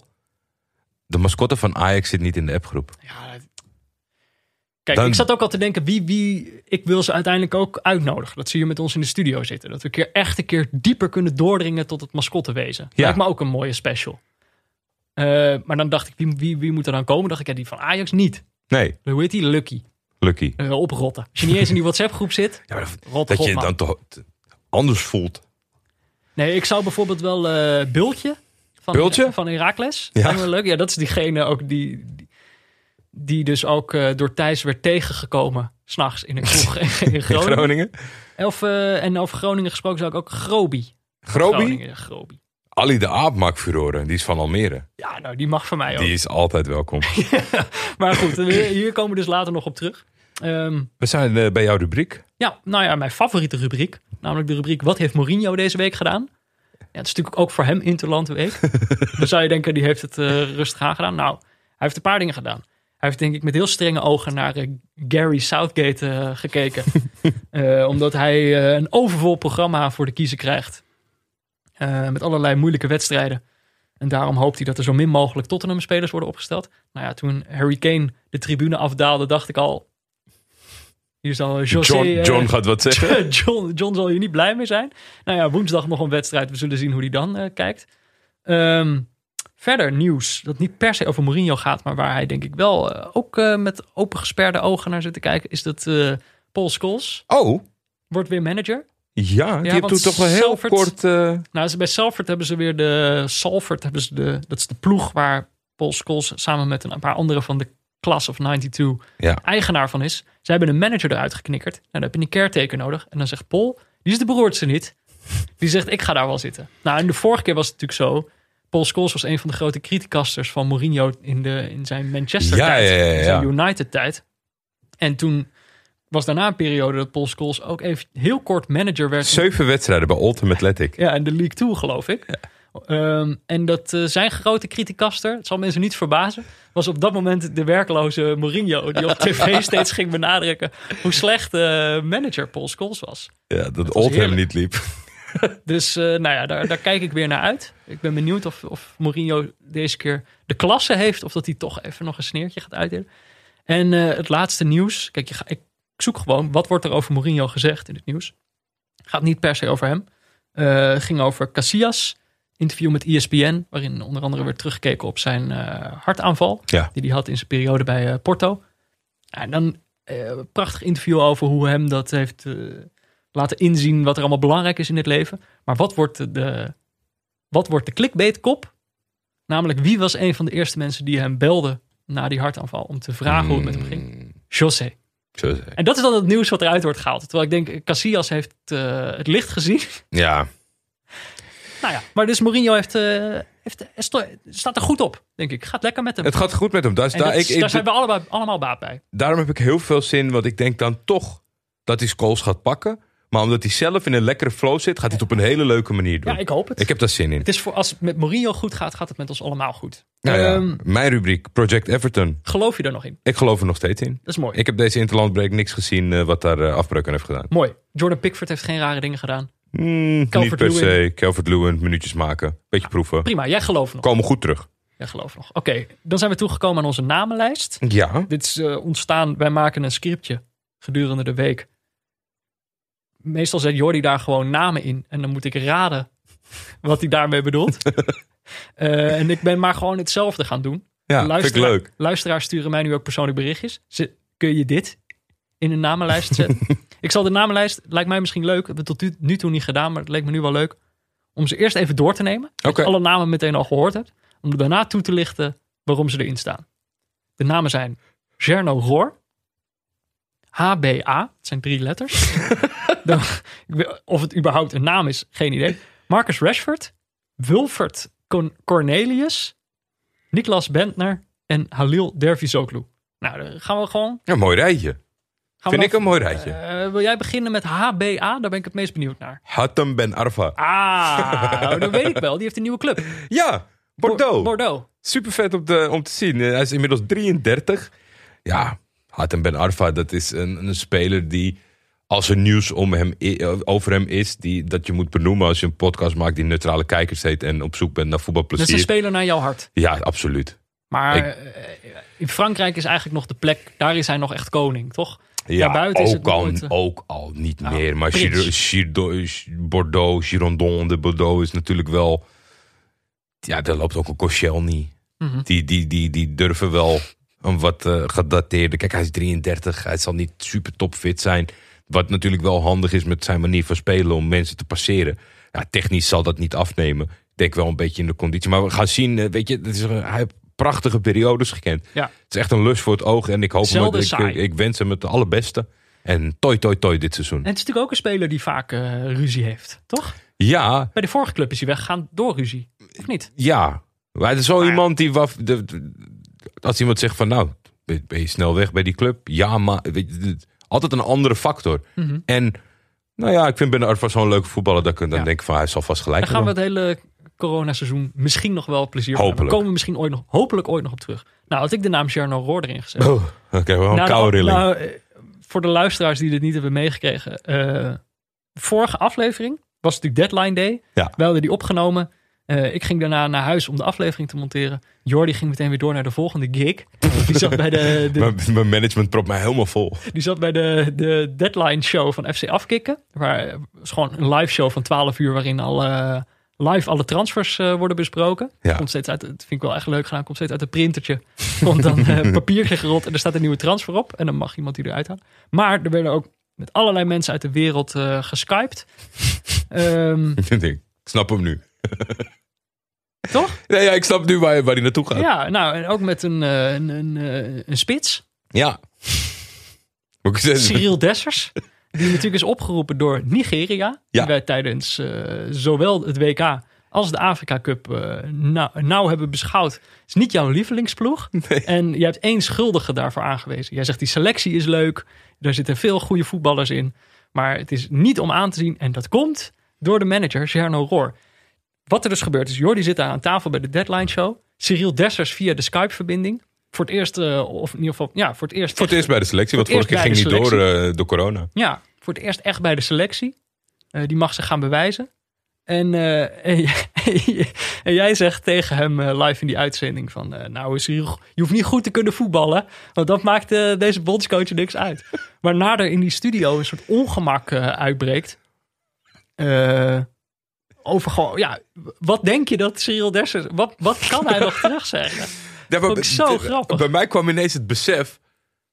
Ineens viel het kwartje. Want ja, Cyril aardig gozer kan je de echte voetballiefhebber kijkt alles, kan je uren met kletsen. En ineens dacht ik, Nigeria? Chenoror. Daar zit mijn aardsvijand. En ik dacht, ik ga hier wat over zeggen. Ik moet dat dan, omdat het een Skype-gesprek is, verpakken in een vraag. Maar in mijn, in mijn blinde haat jegens Roor raakte ik het kwijt. En moest hij heel ongemakkelijk bevestigend, of, of tenminste Ja, en jij rook van je kans. Jij dacht, dit is, dit is het moment waarop ik tirade in ontvangst dacht, ik nemen. ben one, één Skype-verbinding verwijderd van Jarno Ja. Hij zat misschien wel in die hotelkamer ernaast.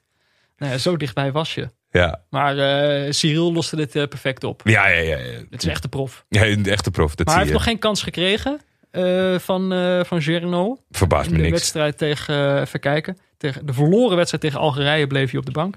Maar hij mag het volgens mij woensdag, nee, dinsdagavond mag je het nog een keer proberen tegen Tunesië.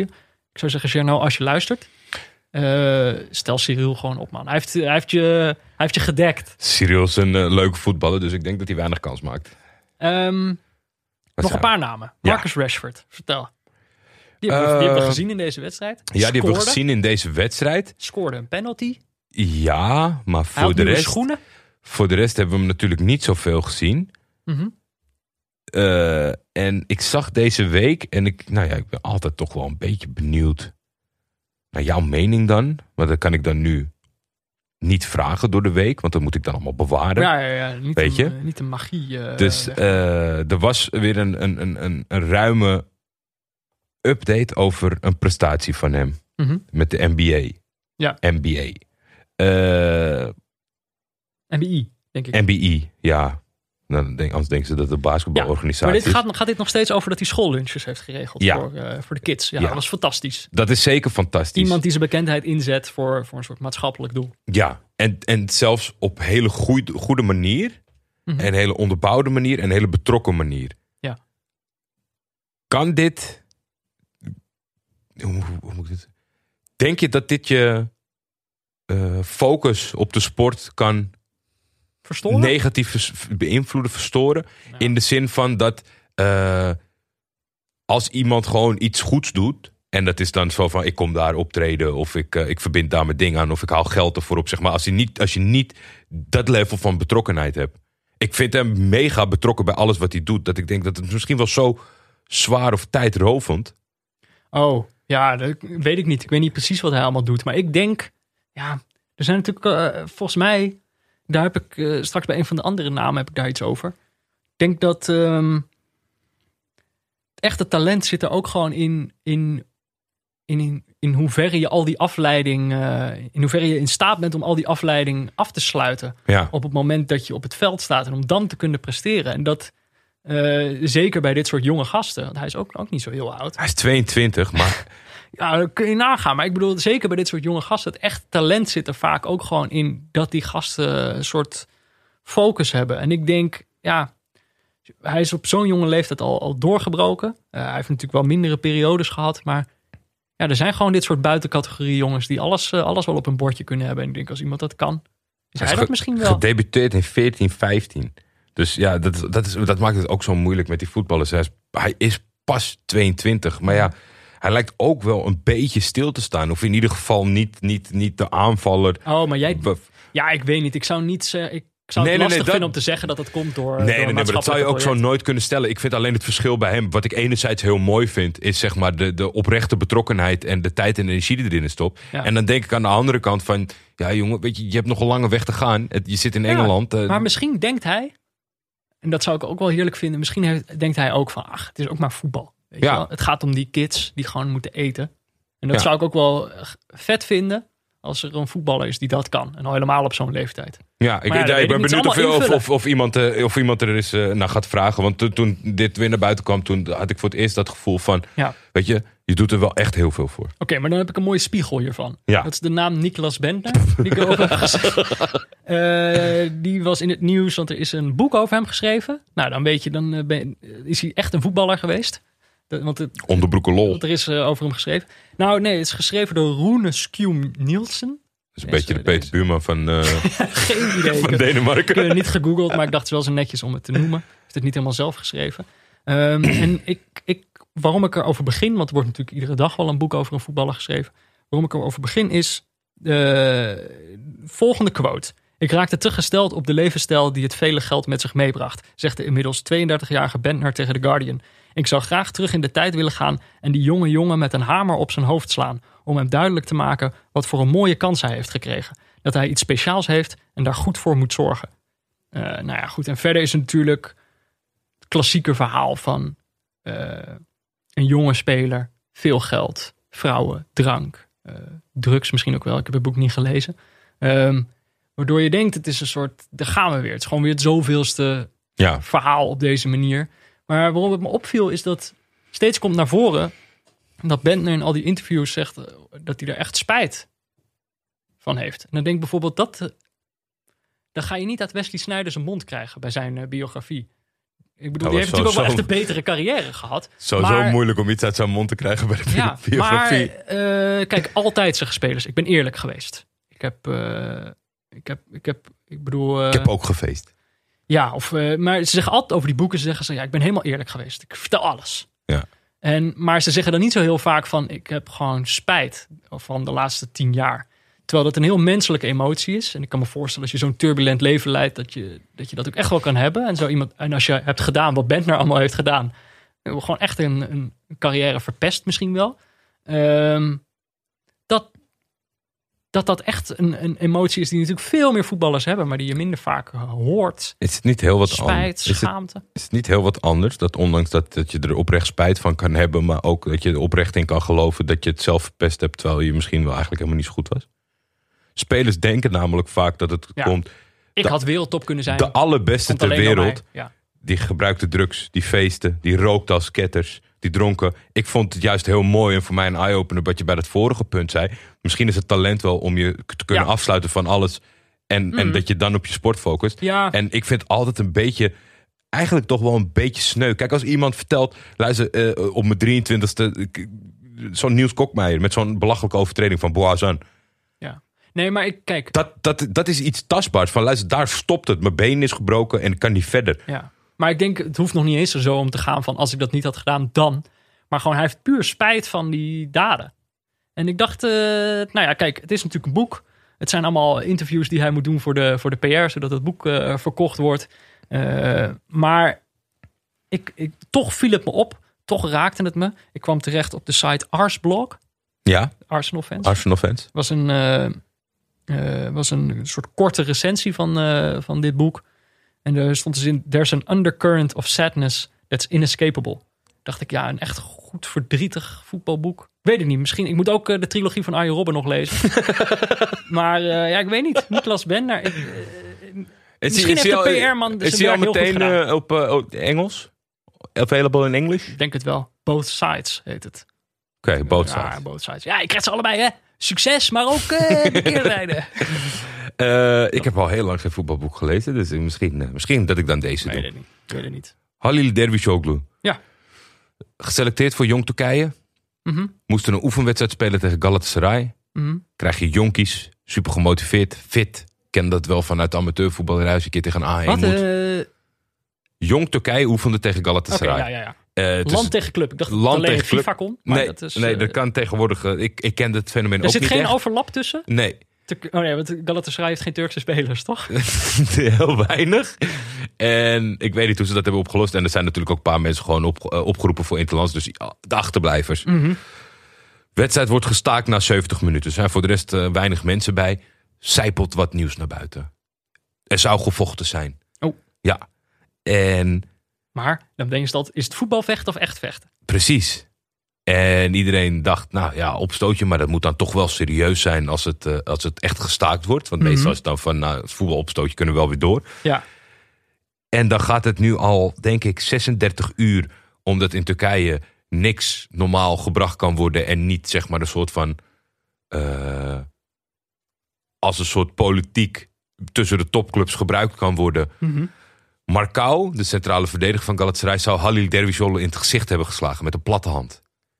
En dat is een schande. En daar Ja. moet, daar moet een straf op volgen en dat soort dingen. Dat wordt helemaal zo. Mhm. En nou, volgens mij heeft Dervishoglu nu in drie verschillende interviews en op zijn Instagram-account aangegeven van... Jongens, het was voetbalvechten. Er is niks gebeurd. ik heb geen klap gekregen. Ja. Zat ik wel bij mezelf. Zou ik het toegeven? Als ik een klap had gekregen in mijn smoeltje? Weet je? Toch gewoon echt Mhm. een bitch slap. Zou ik weet niet of... Weet je, Hij sloeg! ja, precies. Het is heel moeilijk om dat, om dat, goed, om dat goed te brengen. Maar in ieder geval, gebruiken om te klikken. de bondscoach, de betrokkenen en de spelers zelf hebben nu gezegd: jongens, er is niks aan de hand. Mhm. Ja, we geloven het toch niet. Het, is, het, het- ja, het is echt een, een, een ding Maar om er, is- niks. er zijn En geen beelden.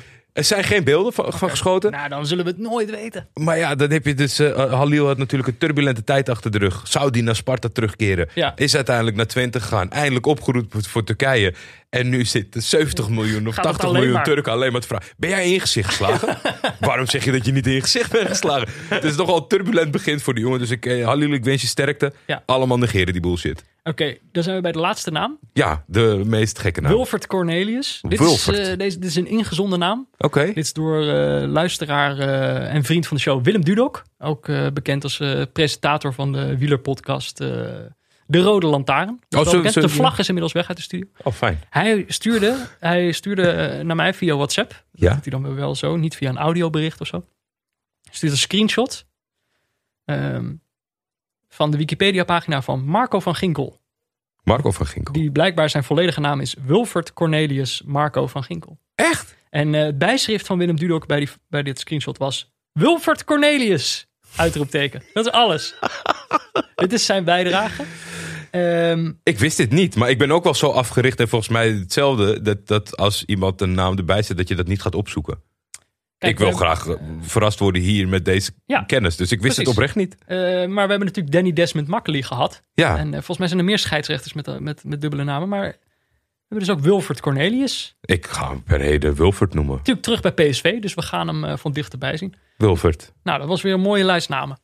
Eh, volgende week weer. En als je dus eh goede hebt. Kijk, soms als je echt een goede hebt, dan is de onderbouwing Wilfred Cornelius genoeg. Voldoende. Is voldoende. Nou, mag natuurlijk ook in een audiobericht als je bijdraagt. mag gewoon. Gewoon een naam. Of via vriend van de show.nl slash neutrale kijkers. Ja. Wat je maar wil. Zeg gewoon, deze naam moet op de lijst en hier en hier. Nou, ik moet de mensen daarover complimenteren. Kijk, jullie zouden het ons makkelijk maken om het een beetje te bundelen. Maar als ik zie, komen wat vragen door de week op Twitter. Ja. Komen wat in de mailbox. Ah, ja. Vriend van de show. ja, ik ben ook streng. Ja, streng. ik vind, ik vind het wel, wel leuk om te zien dat, het, eh, dat iedereen overal zijn weg weer weet te vinden. Maar ja. Dank jullie wel, lieve mensen. Nou, eh dan zijn we er doorheen. Wat gaan we volgende week kijken. kijken? Volgende week, ja, zaterdag was er van alles. Ja, Celtic Rangers, de Old Firm. ja. Nou ja, eh, leeg stadion. ja dat is wel kloot. Herfst, ik weet niet hoe leuk dat wordt. Sporting tegen Porto, s'avonds, half tien. Ja. Maar Geen, eh, uiteindelijk om drie uur eh, dacht ik Inter Milaan tegen AC Milan. Internationale tegen AC Milan. Ehm, zaterdagmiddag. Ik dacht, we moeten de Serie A gewoon weer een keer een kans geven. we hebben natuurlijk vorige week geprobeerd om te kijken. Toen was er geen wedstrijd. Dacht ik, nu deze wedstrijd in één stad. Dus over afreizen kan het niet, eh, kan het niet gaan. Nee. Eh, Derby natuurlijk. Derby della Madonnina. Ja. Heet dat blijkbaar. Nou ja, dit is alweer een tijdje geleden dat AC Milan heeft gewonnen. Dat was in de bekerfinale van 2017. Heb ik opgezocht. Wikipedia, dat weet ik allemaal niet. Maar kijk, Inter is natuurlijk wel een beetje eh, on the way up. Die zijn nu wel echt de uitdager van eh, Juve dit jaar. Een hele bijzondere, bijzondere eh, samenwerking, rit vind ik dat van die Antonio Conte. Ze lijken een soort van niet met elkaar te willen zijn. En dan Ja. stellen, leggen ze ijs op tafel. Maar ja, nou, het, het lijkt er dan wel op. Ja. Maar Inter doet altijd zichzelf de Ja. das om. En eh, Milan, is natuurlijk jaren niks meer geweest van de ploeg die, wij, die ik in mijn jeugd heb gezien. Maar die zijn ook weer een beetje op de weg. ja, zo en zo, lijkt het. en zo heerlijk voetballen. hè. De nieuwe trainer stond al klaar. Toen ging de huidige trainer Ja. een paar wedstrijden winnen. Denk zo, verdomme, wat moeten we met die nieuwe trainer? Die Ja. andere doet het nog goed. En Rang, Rangnick heb je Ja, het ja, over. ja. Maar die wilde zelf dan ook niet komen omdat Zlatan Ibrahimovic zijn contract was verlengd. Zeiden, ja, je moet niet allemaal oude spelers contracteren. ik wil wel komen, niet- maar dan gaan we iets nieuws doen. Ja, maar dan moet je niet naar Italië maar komen. kijk, dus er is weer genoeg aan de hand. Zeker. Waar we het Heel veel zin over in. kunnen hebben. Als Nou. het maar doorgaat. Precies. Precies als het maar doorgaat. We zullen het zien. Eh, volgende week. Zaterdag eh, 17 oktober om 3 uur. Dus zegt livescore op dit moment. Kan allemaal nog aangepast worden. Mij moet je niet geloven. Oké. Neutrale Kijkers is mede mogelijk gemaakt door Dag en Nacht Media. De hoofdsponsor op de buik is Auto.nl. De muziek is Tachanka van Leon Lischner en Friends en een adaptatie daarvan van Studio Cloak.